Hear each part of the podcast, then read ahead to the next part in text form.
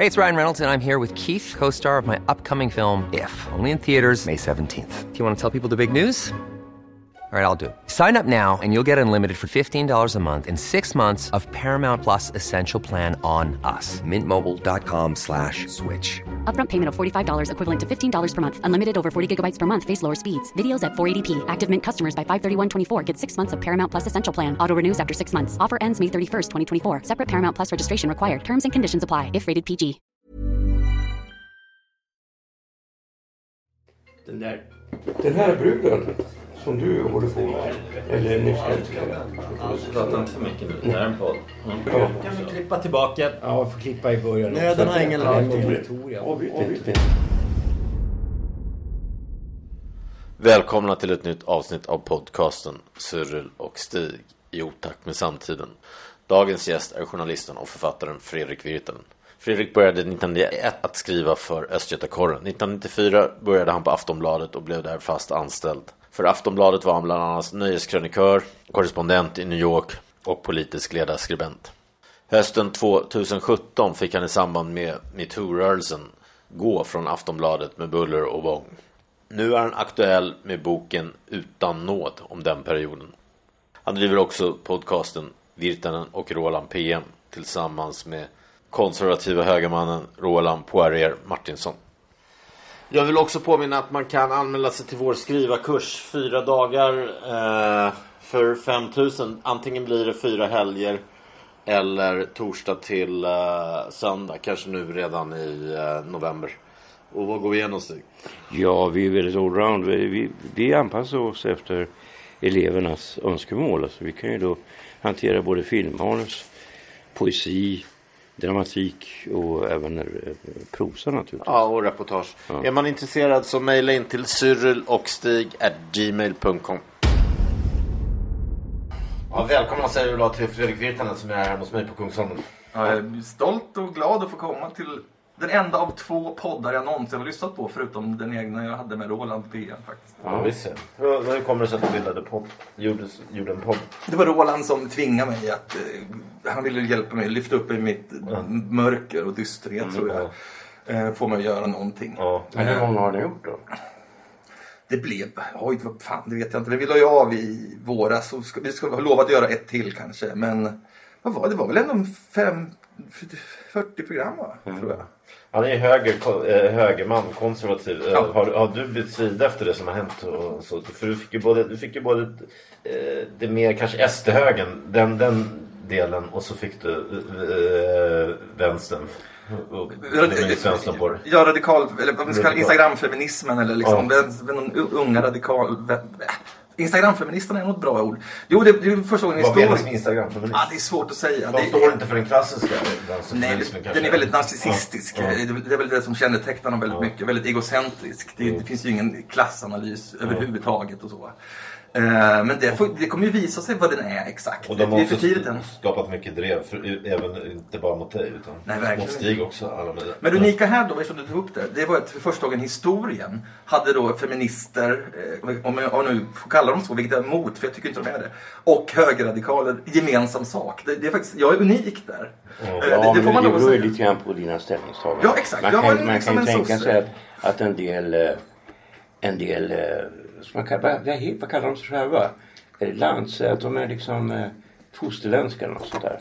En del fosterländska Mm. tyckte att det här var alldeles utmärkt eftersom du har haft de åsikter du har haft. Ja, visst, ja, men visst. Så uppfattar de dig Jag som det. De såg extra som en, De såg det mycket. som en hycklare. Ja, som en hycklare. Ja, det, det, gjorde de väl också, men framförallt passade de ju på då eftersom jag var en eh, flyktingvänlig PK-sosse, eller en, en sosse liksom.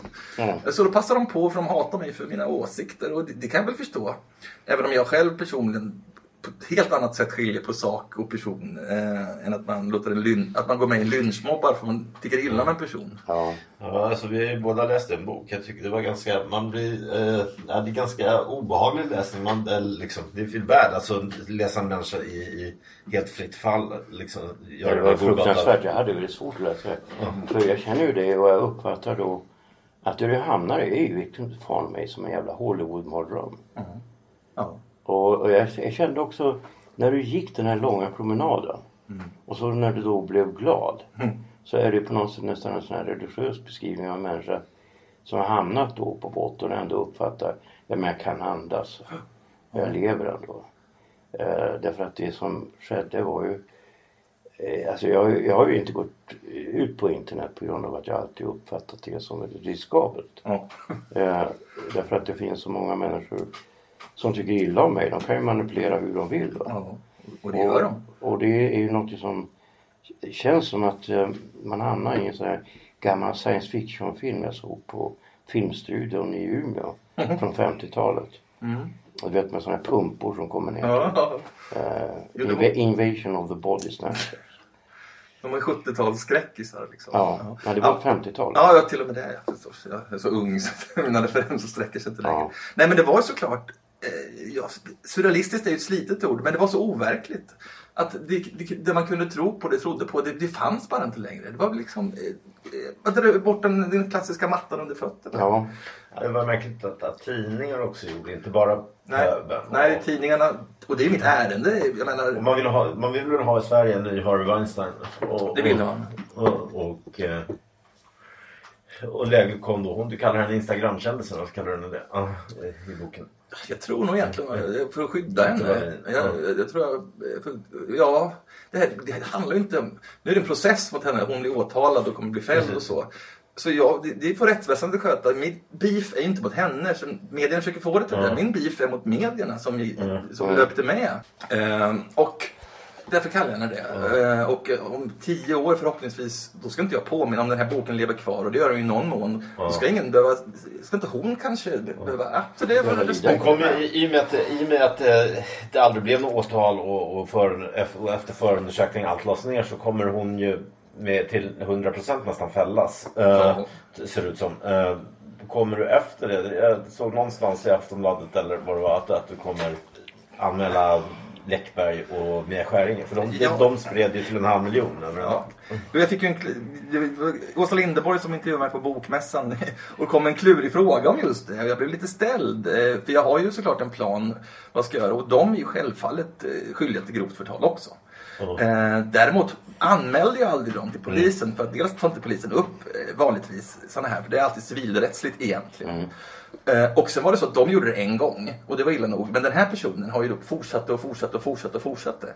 Fast jag var utslagen, hade fått kicken, eh, låg på botten och gick en promenad mitt i natten till Ingarö. Så kom en, en fler och fler eh, eh, inlägg och då kände jag att det här går ju inte. Eh, så då var jag tvungen att anmäla henne. Hade de fortsatt hade jag gjort det också. Hur många tidningar var det som fälldes av Pressens opinionsnämnd? Ja, jag anmälde ju bara tre. Eh, och, och det var Resumé, Expressen och Svenska Dagbladet.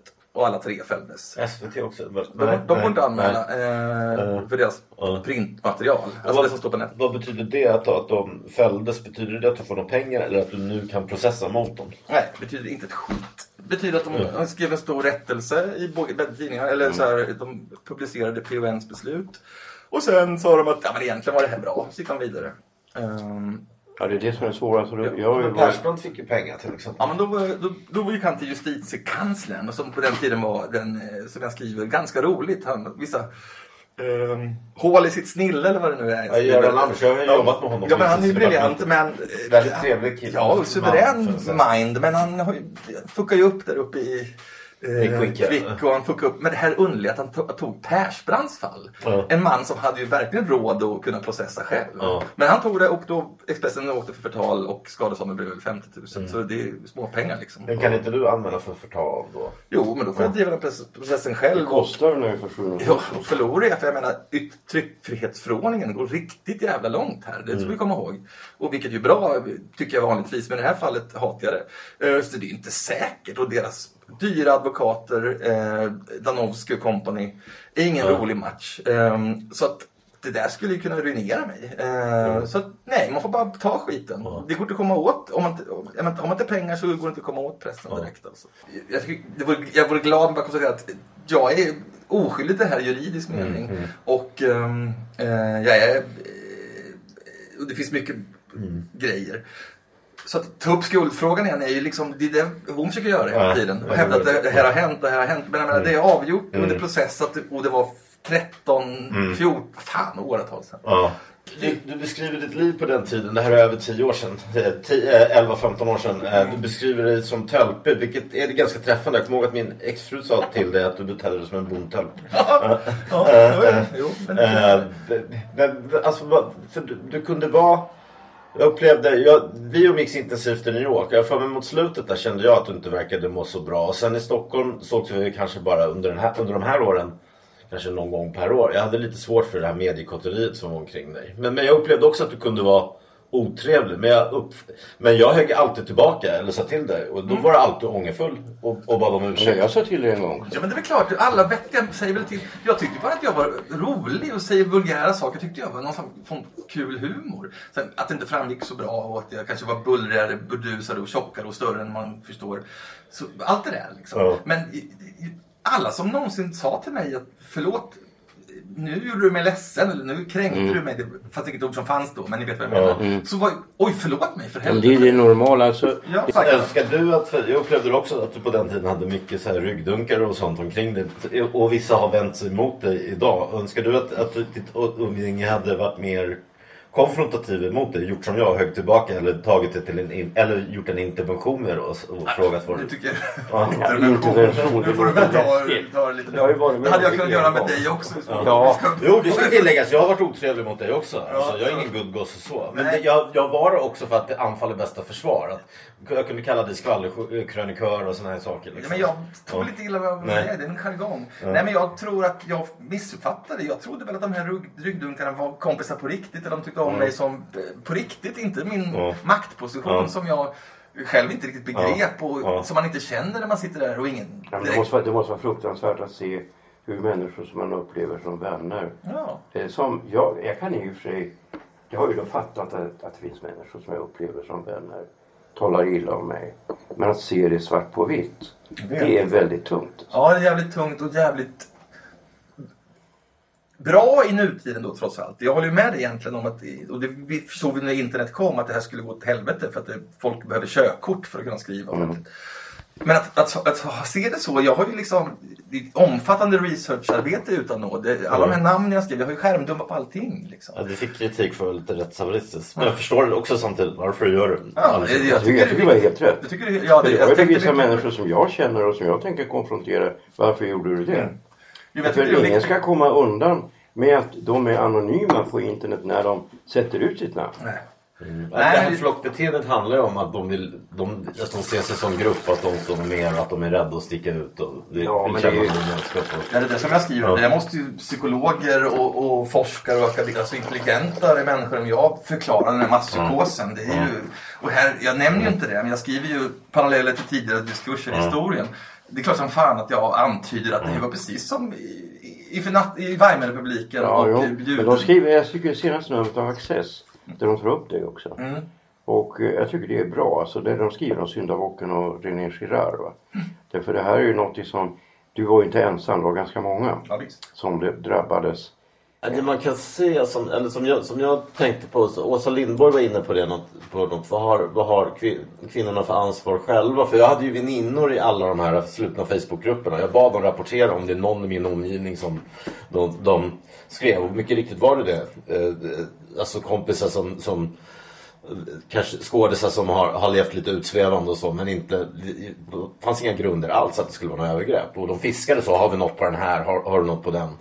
Men sen också, så- jag, jag har själv varit med om när jag har haft eh, chefsposition att en, en tjej till exempel sa att hon, hon kunde gärna ha sex med mig om hon fick skriva för mig. Eh, jag gjorde naturligtvis inte så utan för mig blev det omvända, att det var väldigt avtändande. äckligt, ja. Men om jag hade gjort det, då hade ju både den kvinnan och jag gjort något förkastligt. Liksom. Så de har ju också ett ansvar. Hela den här diskussionen vill jag ju av olika skäl Undvika, undvika som Ja. ni förstår. Jag vill inte bli kölhållad igen. Mm. Men, eh, och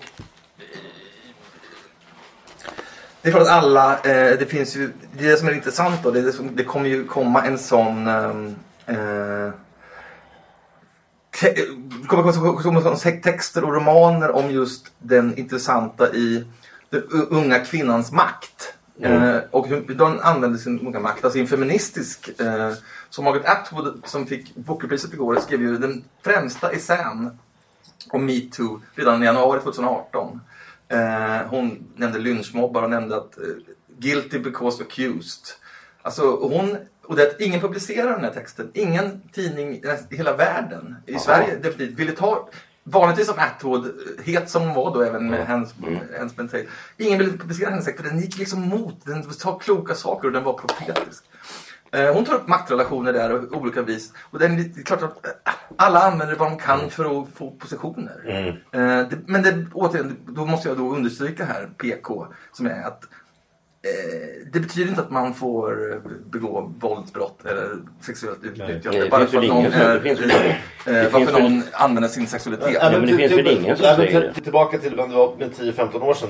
Varför, alltså det känns ju som att alltså folk, har, folk har, har gått och varit irriterade på för att det hade varit burdus och, och otrevligt. Varför var det det? Var det, för, var det alkohol och centralstimulantia eller trodde du att det var för mer än andra? Att du hade eh, blivit för stor eller? eller? Ja, det var, jag, ja, jag blev ju stor på mig som man, ni säger. Ja, jo men det, det förstår Det blev jag. Och sen, och sen eh, hade jag ju ångest och deprimerad samtidigt och åt alla dessa piller jag pratade om. Och sen självmedicinerade med ohyggliga mängder kokain. Eh, och sprit också såklart. Men spriten var ju med också för att kunna ta med kokain och tvärtom. Det Ja, känner är bägge till. Liksom. Ja. kryckor. Ja. Eh, Så det- är klart att det, det jag gjorde, jag skulle nog vilja påstå, jag förstår inte varför jag ska behöva försvara mig egentligen, men när jag var nykter och ehm, inte hög så var jag en trevlig person. Ja, liksom. ja, men jag upplevde det Eh, som att du kunde bli personligt förändrad. Ja, på- säkert liksom. Ja. Såklart. Och, och sen såklart att det var för mycket för mig att bli den här i en liten krets, en rockstjärna, tack vare tv-programmet framförallt, Ja, och den här ja. bloggen. Liten, men i Stockholms innerstad så var jag ju, det, det var ju groupies överallt. Jag, jag kunde gå hem med någon varje kväll om jag ville. Ja, men så, så var det ju för mig på 80-talet. Ja? Men- exakt. Och för men- min men- dåliga självkänsla, Ja. svaga självkänsla, så var åh, det, åh de tycker om Ja, men mig. man, man kan säga, alltså så här, långt i efterhand kan man säga så här att, att jag uppfattar nog att jag själv som, som person var lite för självgod under slutet av 80-talet. Men det är ju jävligt svårt att inte vara det också. Alltså när jag kom in i ett rum så tystnade alla för jag var liksom en, jag var väldigt ung och jag var en levande legend. ja, det, det är sant. Och, Och jag, och eh, nu är jag då gammal och en levande legend, då är det lite mer okej va. Men, men, jag, men jag tolkade det redan då som, också som att det kan också, beteendet kan också ha varit lite eh, självförakt. Att, att du, du var liksom en eh, liten pojke egentligen från Motala som, som, eh, kände, så där, som visste kanske att de här tjejerna och vännerna inte skulle tytt sig till om det inte vore för din position. Säkert. Det blev någon självhat eller Ja, men självhatet, självföraktet kanske inte alls har med det att göra. Det här är ju, Mm. det här får vi ju tala med både Freud och Jung och eh, några andra om. Jag tycker inte att det är så jävla komplicerat. Alltså om du plötsligt från ingenstans, eller mer eller mindre ingenstans, får en viss position. Så påverkas du naturligtvis av det själv. Det vore ju väldigt konstigt Ja men det visst, och sen eh, kände jag ju alltid att jag inte hade täckning för positionen. Alltså det klassiskt, det har inte du känt för du är mycket självgod Stig. Ja, Och det hade- du, Cyril, Jag hade ju täckning. Ja, ja men det är exakt, och det hade du säkert. Och jag kanske också hade det på min nivå där jag befann mig. Ja. Men jag upplevde det aldrig själv. Alltså, jag kände mig otillräcklig och inte lika bra som de jag ville vara. Jag menar, som dig. Inte för att jag siktade till, Mm. men jag är inte höglitterär på det här viset. Va? Men typ som en massa popskribenter och sånt. Så det Mm. var ständig prestation. Så När jag gjorde TV så ville jag ju säkert vara som Christian Lok eller vad fan som helst. Och vara Jag, jag, minns, jag minns när vi gjorde tv-programmet med, med Torsten hur nervös du var. Alltså, du blev, alltså när vi hade den här konfrontationen då så måste- blev du fullständigt, alltså du skakade av eh, skräck eller chock. Men då kanske jag spelade den. Nej, alltså du, du blev helt enkelt... Ja, då, då, hade var nog, då var det nog första säsongen för då Ja. var det jävligt... eh, Ja, jag vet. Alltså, jag tänkte, för jag hade träffat dig tidigare Ja. och uppfattat att du var en ganska cool person. Och plötsligt såg jag dig hur du liksom såg så Ja. helt stirrig ut. Jo. Jag kan ju förstå det, var inte så? va? Nej, men det stämmer säkert. Eh, Det stämmer säkert. Och, eh, men, sen blev vi varmare i kläderna och Ja, närmare ja, det. men absolut, ja, men så är det ju. Liksom. Ja, men herregud, första gången jag var i direktsändning i TV, det var någon gång 86 eller något där, då var jag också väldigt nervös. Eh, och jag blev sen överfallen av de här producenterna för att jag hade sänkt eh, tittarsiffrorna i programmet. Och jag fattade absolut ingenting. Eh, och och jag, jag tyckte det var väldigt obehagligt att vara i direktsändning då. Va? Ja, jo. Men sen vande jag mig vid det och nu tycker jag att direktsändning är det enda jag accepterar. Ja, absolut. Det är klokt. Men tillbaka till boken. Jens Liljestrand skrev, vilket var lite oväntat för att det var Expressen. Han skrev att du sk- skriver dig fri i boken. Var det ett syfte med boken? Och, Jag tycker det var en fin recension. Jag, jag, tycker att Liljestrand, om vi ska prata om honom, att han är en väldigt, väldigt duktig skribent på, alla vis. Men jag tycker han är faktiskt eh, jobbig när han skriver om miljö och allt sånt där. Mm. Men han är faktiskt en av Sveriges bästa litteraturkritiker. Det tycker jag verkligen. Och det tyckte jag innan. Därför blev det extra kul att han tog den här boken för exakt vad den var. Han skrev att den inte var såklart färdig i alla kanter. Men också skriver Hey, it's Ryan Reynolds, and I'm here with Keith, co star of my upcoming film, If, only in theaters, May 17th. Do you want to tell people the big news?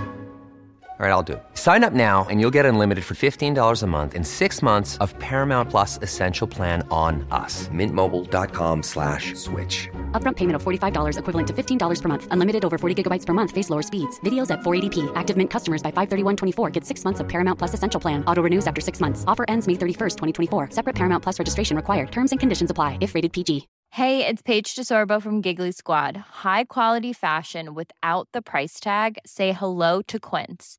I'm snagging high-end essentials like cozy cashmere sweaters, sleek leather jackets, fine jewelry, and so much more. With Quince being 50 to 80% less than similar brands. And they partner with factories that prioritize safe, ethical, and responsible manufacturing. I love that. Luxury quality within reach. Go to quince.com slash style to get free shipping and 365-day returns on your next order.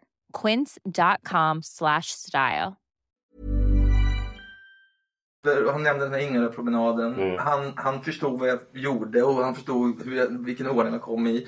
Och han skrev en passionerad, god text. Jag blev väldigt glad för den recensionen. Och jag, han, jag skrev mig fri. Ja, det- ja det, jag blir ju aldrig fri. Man blir inte fri förrän man har blivit lynchad på varenda löpsedel i Sverige och på hela internet, eller halva internet. Man blir aldrig fri från det. Eh, och eh, nu pågår det här också. Alltså, Instagramkändisen är, en, en, är ju som Israel mot Palestina och fortsätter. Liksom. Men Eh, du är samtidigt tillbaka och har publicerat det lite och så efter så att du tog ju inte död på det helt. Nej, jag tog inte död på dem. Det har de ju önskat och det är ju så. Revolutioner funkar ju inte tyvärr. Va? Ah, Då måste de ju döda en på riktigt. Jävligt rökigt här. Kan du öppna lite eller? Ja, Det, det, det hörs trafiken. Får... Jaha, okej. ja, då röker jag alltid. Ja, det är du Nej, men, men var, det så, Ja, det- var det så, det är en scen i boken där du funderar på att ta ditt liv men så kommer du och, och, och framför en buss att det ska se ut som en olycka. Men så kommer du på att eh, din fru är i, i San Francisco så du kommer på att du har dina barn. Var, var det så illa att du Ja. också övervägde? Ja. Ja, och, eh, och svärmor var också borta. Så, men samtidigt kan man ju då säga, och det var en gång till liknande, att eftersom jag hade den logiska tänkandet eller rationella tänkandet kan man väl säga att det kanske inte var eh, eller också, vad fan vet man hur en, en självmordspasserad person tänker innan de tar livet av sig? Det är det ingen som vet såklart. Ehm, så att, ja, ja, det var, visst var det så. Alltså, det, det, jag försöker fånga den här, jag menar det är klart att det behövs en skickligare författare för att verkligen fånga det. Hur traumatiskt det är att se en hel eh, media Stockholm eh, sparka på mig, pissa på mig, håna mig, göra löje av mig. Alltså att jag var en icke-människa. Jag, det, det var som att det var, eh, och jag såg det här eh, i mina flöden och det gick inte att undvika och det förstår att det var mycket mer som pågick. Att vara där eh, i den här totala utsattheten. Ett, ett, ett medial eh, rövtagning. Och det här var ju då redan bara när det inte, innan tidningarna eh, skrev namn och sådana saker. Det här var ju bara internetdrevet som Ja. Instagramkändisen orkestrerade och Camilla Läckberg och Mia Skäringer och massa andra som passade på. Folk som jag sågat en tv-program för och sådana saker. Alltså småsint jävla skit. Och det här ser jag. Och alla, och sen har vi då högerradikalerna, eh, vad man vill kalla dem. Eh, eh, SD, unga männen liksom. Som älskade det här. Och eh, det där är en ofattbar stress för en människa. Eh, jag tror att det är svårt för någon att sätta sig in i det. Eh, jag tror det är omöjligt att sätta in i vad... Alltså, jag, jag, hur, hur, hur, hur hanterade du sen då när artiklarna kom? Det var Expressen men framförallt SV, Svenska Dagbladet ju ett fullständigt haveri. De, Ja. de gick på dig för att du hade frågat någon tjej utanför krogen om hon ville med och dricka sprit. Och... Det, var, det går nästan inte att... Jag orkar inte tänka tillbaka på det. Jag läste in som ljudbok nu nyligen. Själv. Eh, För det var ju rimligast ändå eftersom det är en jag. Och det var så fruktansvärt jobbigt att läsa den där den perioden när vi, när vi landsflykt till Egypten. Och Expressen hade gjort sitt karaktärsmord och sen landade vi och då kommer den här Svenska Dagbladet-artikeln som var så genomusel dessutom. Eh, Expressens var ändå någorlunda skickligt Ja. gjord. Liksom. Den här var bara var fel och det var litterära utsmyckningar. Det var liksom smörja. Eh, och eh, det, var, det, var, det var så ofantligt illa. Och vad jag inte nämner i boken var att de i Egypten faktiskt säljer eh, diazepam, alltså Ja. valium över disk. Ja, ja, jo, det Ja. köpte jag. Ja, så det var fan det, jag tror det räddade livet på mig faktiskt. Att jag gick till något jävla apotek där och fick eh, Valium eller vad det heter. Ja. Ja, Stesolid Ja, benzo. va? Benzo. Ja, någon jävla benzo. Eh, så det hade jag tagit i, i Sverige men det, det, det, liksom just i början.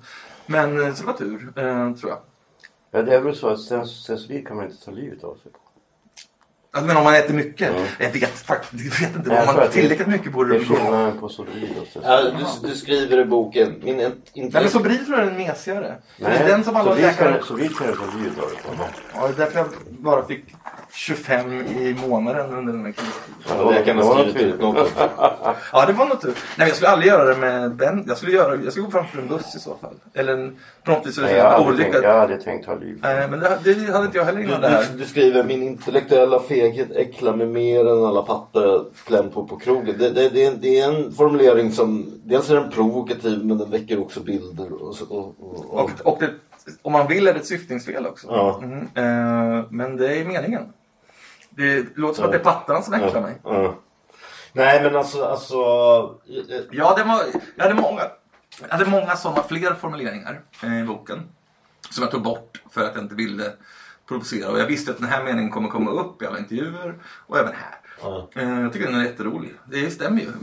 Jag, meningen efter det, jag svek hundratusentals läsare med mitt medlöperi. Ja. Vad var- Du hade, var- hade inte backat upp någon- Du, hade inte backat. Men det är ju det jag ska fråga. Avbryt mig inte. Du, det, men du menar då att du hade inte själv backat upp någon som hade varit i din situation? Att jag inte är säker på det? Nej. Ja. Jag hade absolut eh, backat upp privat. Jag hade, backat, jag hade aldrig accepterat löpsedelsmorden som man skriver. Men jag vet inte om jag hade gått ut i försvar. Eh, jag vet inte om jag hade höjt min lans. Eh, jag har gjort det eh, ett antal gånger. Men jag är inte säker på det. Och, det, och, och sen nämnde jag en massa andra exempel där jag har valt att inte att undvika ämnen. Alltså inte att... eh, Alltså undvikigheten är ju medlöperiet. Jag, jag, skulle, jag har aldrig pushat på någonting jag avskytt eller så. Men jag har undvikit ämnen. Eh, av bekvämlighet som jag skriver. Liksom. Eh, eh, som en, en, en pissliberal. Eh, och detta äcklar mig mer än alla pattar jag kan ha klämt på, på krogen. Ja, men det, Eh, det förstår jag verkligen. men det är klart en stötande mening för någon som jag har eh, eh, klämt en patte på krogen när jag var full och tyckte det var roligt. Det är klart att det är stötande för den personen. Jag tror faktiskt aldrig jag har tagit en tjej på bröstet som inte har Nej men varit. när jag var, när jag var typ så här 18 brukade jag nypa en del tjejer i Häcken men de tyckte det bara var roligt. Det skriver du ju också att alltså, folk som är väldigt snygga klarar sig bättre i din teori där. i Ja, boken. visst var det så. Men om vi ska återkomma till det här. För så var det ju. Alltså, eh, och det, det är så mycket jag inte har med såklart. Alltså det här klämmandet. Det var ju i den här världen du delvis inte ville vara med i då. Liksom. Det, var ju, det var ju en sexuell miljö. Det, det togs på kukar, det sögs av, det, det klämdes tuttar. Det var röv och jag blev som eh, också offer bland Ja, jag läste det där. Ja, jag menar, det, så det var det ju liksom. Och det kunde jag inte skriva så mycket för då skulle det verka som att jag friar mig själv. Jag vill ju smutsa ner mig själv och stå för så mycket skit som möjligt. Utan att skylla ifrån mig på hur kontexten var. Liksom. Och det vill jag understryka för eventuella eh, känsliga lyssnare att jag tar ansvar för det jag har gjort. Men jag tänker aldrig ta ansvar för sånt jag inte har gjort. Mm. Nej. Nej men alltså jag tycker ju då att eh, det där med att, att gå ut och strida för det. Jag tänkte ju då när jag läste det så blev jag väldigt upprörd. Och det, under hela den här tiden så har det som har gjort mig deprimerad över den här metoo-grejen har ju varit att jag upplevt att jag själv inte har kunnat strida för det jag själv tror på. Därför det har varit för farligt för mig. Och jag brukar ju faktiskt strunta i om saker är farliga eller inte. Jag har ju varit mordhotad också av nazister och sånt där. Jag har alltid Men struntat det här är värre på något vis. Nej, Ja. men det var ju folk vågade inte. Alltså, jag läckte ju på, Folk vågar jag fortfarande läckte ju inte. en del skärmdumpar från de här slutna grupperna till, till, eh, till, eh, Uppdrag granskning som, som gjorde ditt program. Eh, men, men då hade jag kontakt med en journalist på, på SVT och han sa att han själv kan inte, trots att han har en otrolig liksom, position, han själv kunde inte göra något för att han har varit i, i, i, i snacket kring de här. Ja men varenda man som någon gång på en firmafest har gjort något dumt eh, och det är i mediebranschen särskilt då, då blev ju helt panikslagen och livrädd och till och med Stig Larsson Nej, jag blev inte rädd för eh, det jag tappade sin intellektuella heder Nej, och men alltså, höll käften. Grejen var den att de, hade, de försökte ju på olika sätt och vis sätta dit mig från DNs sida. Jo, jo, DN var ju Ja, men alltså, stora alltså det, det, det är ju då att du kan ju, alltså det handlar ju inte om vad jag tror att jag har gjort för jag har inte gjort någonting. Men däremot så kan de ju hitta på vad som helst. Ja, men det var ju också otrevligt. Jag skrev på Uppdrag granskning så skrev jag en kommentar på deras Instagram. Eh, det var på tiden att det här programmet kommer. Då, då, då tar den där Instagram-kändisen, hon tar en skärmdump från min Instagram eller någonting, hänger ut mig på Facebook och skriver det här, ha, den här mäktiga mediemän försvarar varandra som om jag hade någon makt. Jag har inte haft någon makt på 15 år säkert. Eller, Ja, men det är liksom- ju det här som händer. Det har- och det är ju för att fiska. Har vi något på den här surren? Ja, men det, är- det här pågår ju fortfarande. Finns det Ja. någon som överhuvudtaget skriver ett försvar eller nämner mig på slut så blir de uthängda på hennes Instagram. Det här är pågående. Så du menar att vi blir uthängda nu också? Det är klart Ja. det blir. Men det vet ni. Det, det, Stig du blev ut för någonting du gjorde, sa eller i TV4 för 17 år sedan. Har det sagt, finns jag ingen gräns. Saker som är anstötliga. Ja. Men jag står för dem. Men jag menar i dagens... Jag menar, det är klart det blir så. Jo men det är så. Det här är ju alltså, det är en... Det här är exakt som jag skriver, det är precis det. Det är samma metoder som högerextremister använder. Hänga ut, lyncha, eh, en lynchmobb, har vi någon skit på den här juden, den här muslimen. Ja, det, kän, det, det är samma kändes, taktik. det kändes som en diktatur. Att man, man var förföljd för sina åsikter lite. Eller Jo, inte och för den goda sakens skull. Och, och återigen, så är det. Och det är fortfarande så. Det finns ju ingen... Jo, det finns handfull som har vågat... Eh, ja, men den här boken har fått goda recensioner. Ännu bättre i Norge naturligtvis. Ehm, Ja, och den är liksom inte... Jag menar, den är... Fan, den är... Ja, men det är ju skandalöst att ingen, ingen vågar ge ut den i Sverige. Nej, men och, grejen är att massa sådana här mediepersoner mäss, mässade sig. Fan, stark bok. De där delarna var skitbra. och Fan vad bra. Men ingen vågar lägga ut det på Instagram eller skriva det på Facebook. För då är det fortfarande så. Då kan lynchmobben vara där. Och det är jätteintressant det här såklart. Eh, hur, hur, inte en mobb, hur en mobb kan liksom skrämmas. Och för helvete, vi måste konstatera det. Jag förstår det. Jag menar... Eh, det är klart att det, det finns något... Metoo, jag är ju inte emot... Alltså Instagramkändisen har ju förstört väldigt mycket av svenska metoo. Det är väldigt synd. eh, Och media i synnerhet som gjorde det. Gjorde att nu är det mäckigt. Om man utnyttjar någon i media va, så blir man själv väldigt förakt. Jag ju, har ju då föraktat de som har gjort det. Och om man då gör något sånt så är- betraktas det som lågt. Alltså gör normalt sett inte människor det. Nej, Alltså, framförallt- det är inte så att, att regissörer utnyttjar människor. Alltså de gjorde det kanske på 60-70-talet, vad vet jag. Jag har hört historier om det. Men inte i modern tid. Ja, Men då måste man ju då... Och då blir det på en helt ny samhälls... Alltså den hela eh, nybourgeoisien hävdar jag då. Alltså den lättkränkta personligheten. Alltså att man är så välvaggad och har, fått så, har det så bra. Och eh, kräver så mycket att man är, blir, som det heter då, lättkränkt. Ja. Och då vinner på en helt annan liksom... Eh, för det här är ju inga enkla min, frågor. alltså min, Nej men alltså det kan väl tjäna ett preventivt syfte som till exempel i, i skådespelarbranschen att, att folk, eh, män kanske tänker sig för i, Poängen är jag faktiskt, jag granskar ju all journalistik om mig själv i den här boken i stort sett. Och sen har jag Ungnen, hela de andra och så. Så jag, är- jag är övertygad om, eh, det fanns ju Martin Timell och sådana här, det var så uppenbara ohyggliga övergrepp från särskilt Expressen där och så. Mm. Men de här kulturartiklarna eh, vid det laget. När men de Lasse kom- också. Ja, ja, absolut, liksom. Han känns ju totalt oskyldig. Eh, Ja, det var... det- Herregud, jösses. Eh, Så den där, det där med de intrikatare kultur... eh, jag har inte granskat dem jättenoga. Jag bara noterade ju såklart att särskilt DN då som du som är, var de ledande i alla de här eh, verkligen valde ju sida för den goda saken och ägnade sig inte åt journalistik som de borde ha gjort. De, de förde kampanjer liksom. mot akademin, mot eh, eh, institutioner, mot personer istället för att kolla alla vinklar. Liksom. Och svenskan var ju nedslaget eftersom, eftersom deras katastrof eh, publicering om mig och har ju ingen liksom, redaktion att tala om. Så det, det var, en, en, det, det var en, den här unika som jag hellre vill tala om än eh,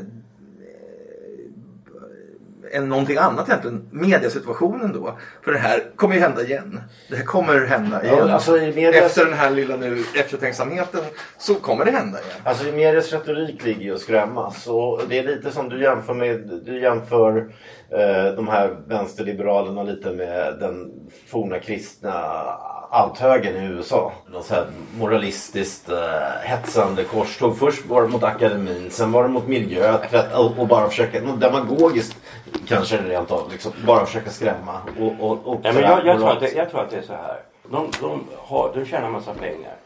De tjänar tio gånger så mycket som jag. Det, det köper jag. Men de har lite dåligt samvete. Deras ungar tycker att de flyger för mycket och så här, va. Och de vill vara på den goda sidan fast de tillhör övre bourgeoisin. Ja. De tillhör de högst köpta människorna. De har inte betalat lite, de har betalat mycket. Och sen ska de då förklara sig för svenska folket. Då ska de vara extra goda. Och då är de för allting som är svagt och litet. Och själv är de stora och feta och tjänar en jävla massa pengar. Ja men precis, exakt så. Vad är det för jävla svin? Tyvärr, det, det, det här som händer nu. Det, det, det, här vi ser nu såklart. Alltså den, det som man säger högerpopulismen som egentligen är nästan halv nyfascism och halv eh, högernationalism. Det är ju det är ju ett svar på det här såklart. Det, det, det, det är det som Trump och alla utnyttjar. För så är det.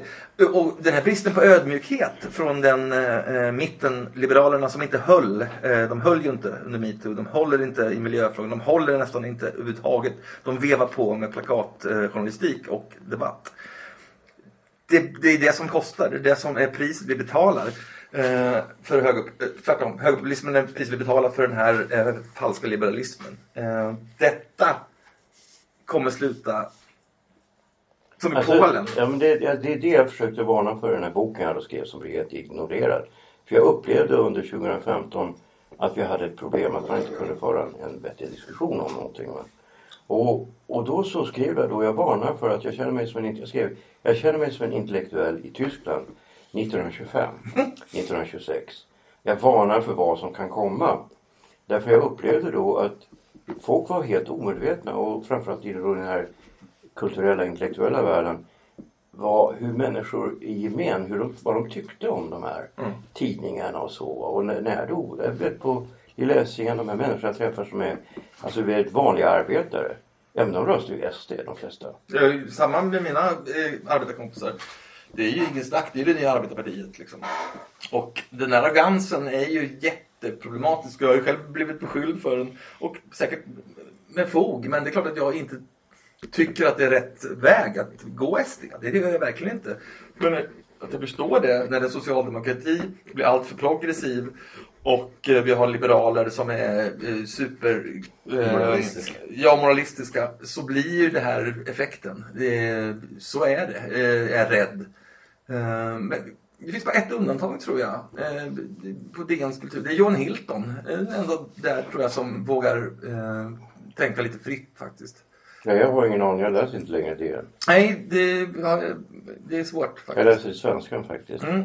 Och de har ju så små resurser så det är heller inget bra. Det är, så, det, det är kris för media på så många nivåer. Ja visst, det är naturligtvis ett problem. Jag vill ju läsa tidningar. jag vill också se- som jag vill fan. Jag vill det läsa dem på papper och jag vill Jag vill läsa dem på papper, inte i någon vi mobil. ska, nu när du inte behöver rätta dig efter Aftonbladet så då blir du mer en fri skribent kan man säga. Å andra sidan så kanske du inte då har du ingen arena på samma sätt. Nej, jag vill inte ha någon. Jag, vill inte, jag tycker aldrig skriva en tidningsartikel till i hela mitt jävla liv. Eh, jag tänker... Vad ska du göra då? Jag eh, ska beskriva tre eh, thrillers som du kommer älska. Mhm. Eh, så länge, och jag tror vi får se eh, vilka som får ge ut det. Men jag älskar mitt norska, mycket duktiga förlag. Så där är det klart, de har betalt för tre böcker. Ja, ja. Och i Sverige ska nog, eh, får vi se. Jag tror faktiskt att jag vill att Gloria ska ge ut det i Sverige igen. För blir det tillräckligt bra så kommer det sälja utan en stor distributionsapparat. Ja, ja. Eh, nej, fy fan. Uh, jag randade två grejer för Expressen i somras. Eh, och visst har jag någonting på hjärtat. Eh, så kanske jag får publicera någonstans. Men ingen kommer ju någonsin ge mig en fast, eh, på länge, förmodligen någonsin ge mig en position igen. För de här högafflarna på nätet är fortfarande kvar och kommer kräva bojkotta den här mannen. Annars kommer vi bojkotta ett varumärke som eh, gör reklam för det här. Alltså de här ägnar sig ju aktivt åt deplat, deplattformering, ni vet va. Det är ju Ja, det har aktivt du. arbete som fortfarande pågår. Jag hade ju hört det ordet. Deplatforming. Jo. Jaha. Eh, och det, kommer ju, det pågår ju såklart. Så att jag, den här arenan, för det, jag måste försörja mig. Och jag snackade med min lokala sopgubbe i morse och han sa, han var en gammal försäljningschef och sa, fan det är du som Fredrik? Ja, fan, ja men vi ses ju. Jag har aldrig haft det så bra nu, sa han. Jag tänkte jag också tänkte på det. Nu börjar du, halv sex går han upp. Eh, eller kör de ut. Eh, och sen elva är han kvar och han tjänar hyfsat. Och sen hela dagen kan man göra vad fan man vill. Man kan dricka bärs eller man kan skriva en, eh, en thriller en stund. Och slippa den här förbannade mediageggan. Eh, jag har som ni hör inte kunnat släppa den. Jag noterar ju vad som händer. Jag stör mig på det. Och jag ser när det börjar bättra sig. För jag är fortfarande, jag, det här är ju liksom li- i mitt blod sedan 25 år det är tillbaka. Eh, Jag kan hela den här Om, skiten. om, om, du inte varit så, om du inte varit så dålig på aktier så skulle du kunna daytrada. Ja, det ska vi undvika. Ska vi sluta där? Ja.